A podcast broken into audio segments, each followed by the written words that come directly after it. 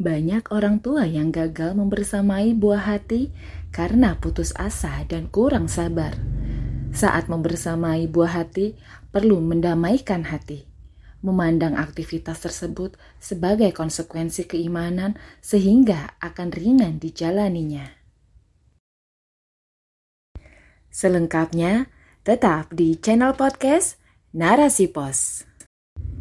Narasi Pos cerdas dalam literasi media, bijak menangkap peristiwa kunci. Assalamualaikum Sobat Podcast Narasi Pos, bagaimana kabarnya? Semoga dalam keadaan sehat dan baik ya. Alhamdulillah kita bertemu lagi dalam ruang dengar podcast Narasi Pos. Kali ini bersama saya Sofia Aryani dalam rubrik Family dan rubrik family kali ini dengan judul Mendamaikan hati saat membersamai buah hati oleh Afia Rasyad.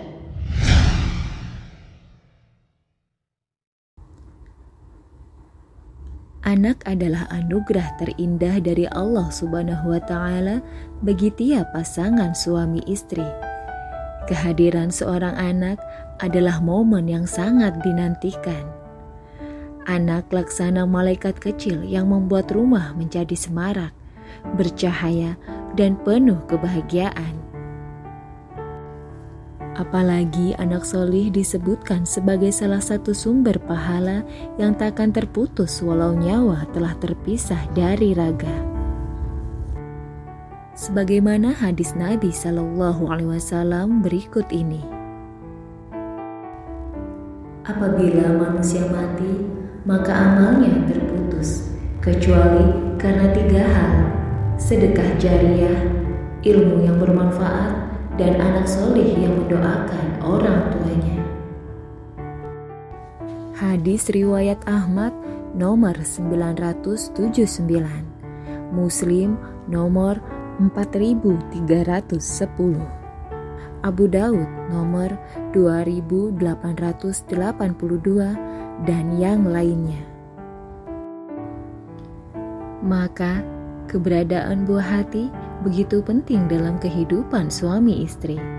Selain untuk pelipur lara kala sedih, penyemangat kala semangat menurun, penghibur saat gundah menyapa, buah hati juga bisa menjadi pahala investasi bagi kedua orang tuanya. Buah hati bisa mengantar orang tua ke surga saat ia menjelma menjadi anak solih.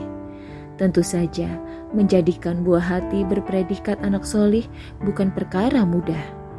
Namun, pasti bisa diwujudkan bagi siapa saja, asal orang tua berkomitmen membersamai anak sepenuh hati. Membersamai buah hati butuh pengorbanan bukan sekedar materi semata, namun orang tua dituntut mendidik, mengasuh, dan menjaganya dengan fisik, hati, dan jiwa yang hadir utuh di hadapan anak. Membersamai tumbuh kembang buah hati, baik fisik, akal, maupun jiwanya diperlukan ilmu, keteguhan, dan keistiqomahan banyak orang tua yang gagal membersamai buah hati karena putus asa dan kurang sabar. Saat membersamai buah hati, perlu mendamaikan hati.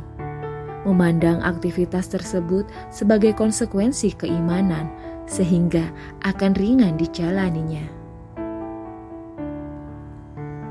Jebakan-jebakan sistem kapitalisme saat ini menari-nari dalam kehidupan rumah tangga Sistem itu menyusupkan rasa takut pada suami istri untuk punya anak.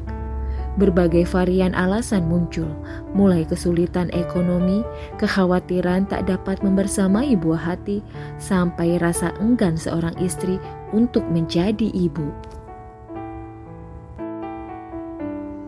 Padahal, perkara lapang dan sempitnya rezeki itu urusan Allah.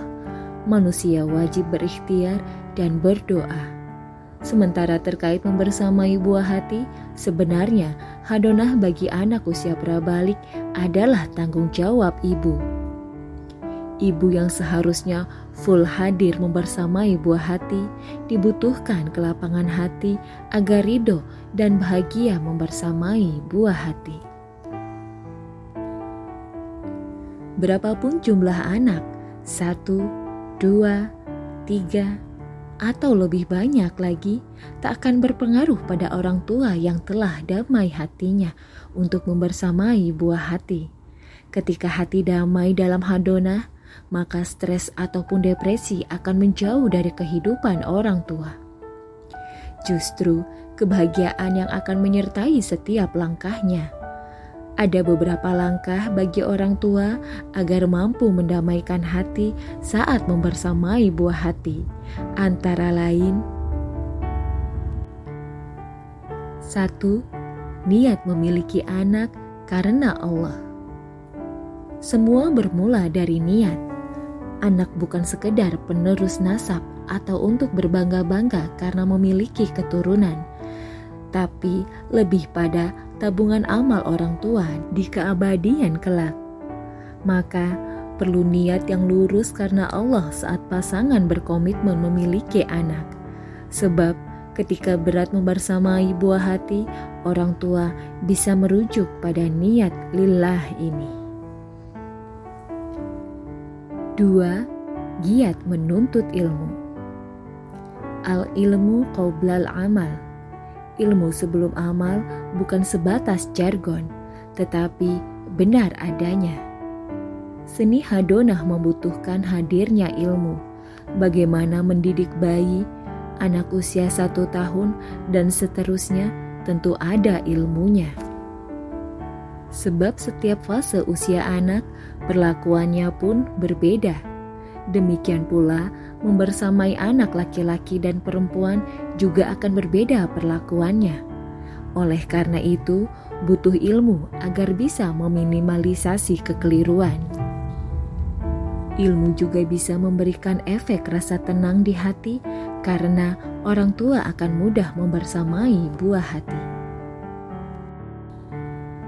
3. Meminta nasihat pada orang solih. Sungguh benar sabda Rasulullah Shallallahu Alaihi Wasallam, setiap Muslim diminta berkumpul dengan orang soleh. Tujuannya bukan semata agar tampak soleh, namun agar ketularan beramal soleh. Setiap orang tua perlu belajar dan meminta nasihat pada orang soleh dalam urusan hadona. Sehingga saat orang tua salah langkah, atau ada sedikit kekeliruan dalam membersamai anak, maka teman yang solih akan mengingatkan. Kedamaian hati saat berkumpul dan menerima nasihat dari orang solih akan membuat orang tua tenang dan senang membersamai buah hati. 4. Melangitkan doa kepada Allah. Amboy, sombong nian jika manusia enggan berdoa kepada Allah Begitupun orang tua yang enggan berdoa. Untuk mendamaikan hati saat membersamai buah hati harus ada taburan doa yang menghiasi.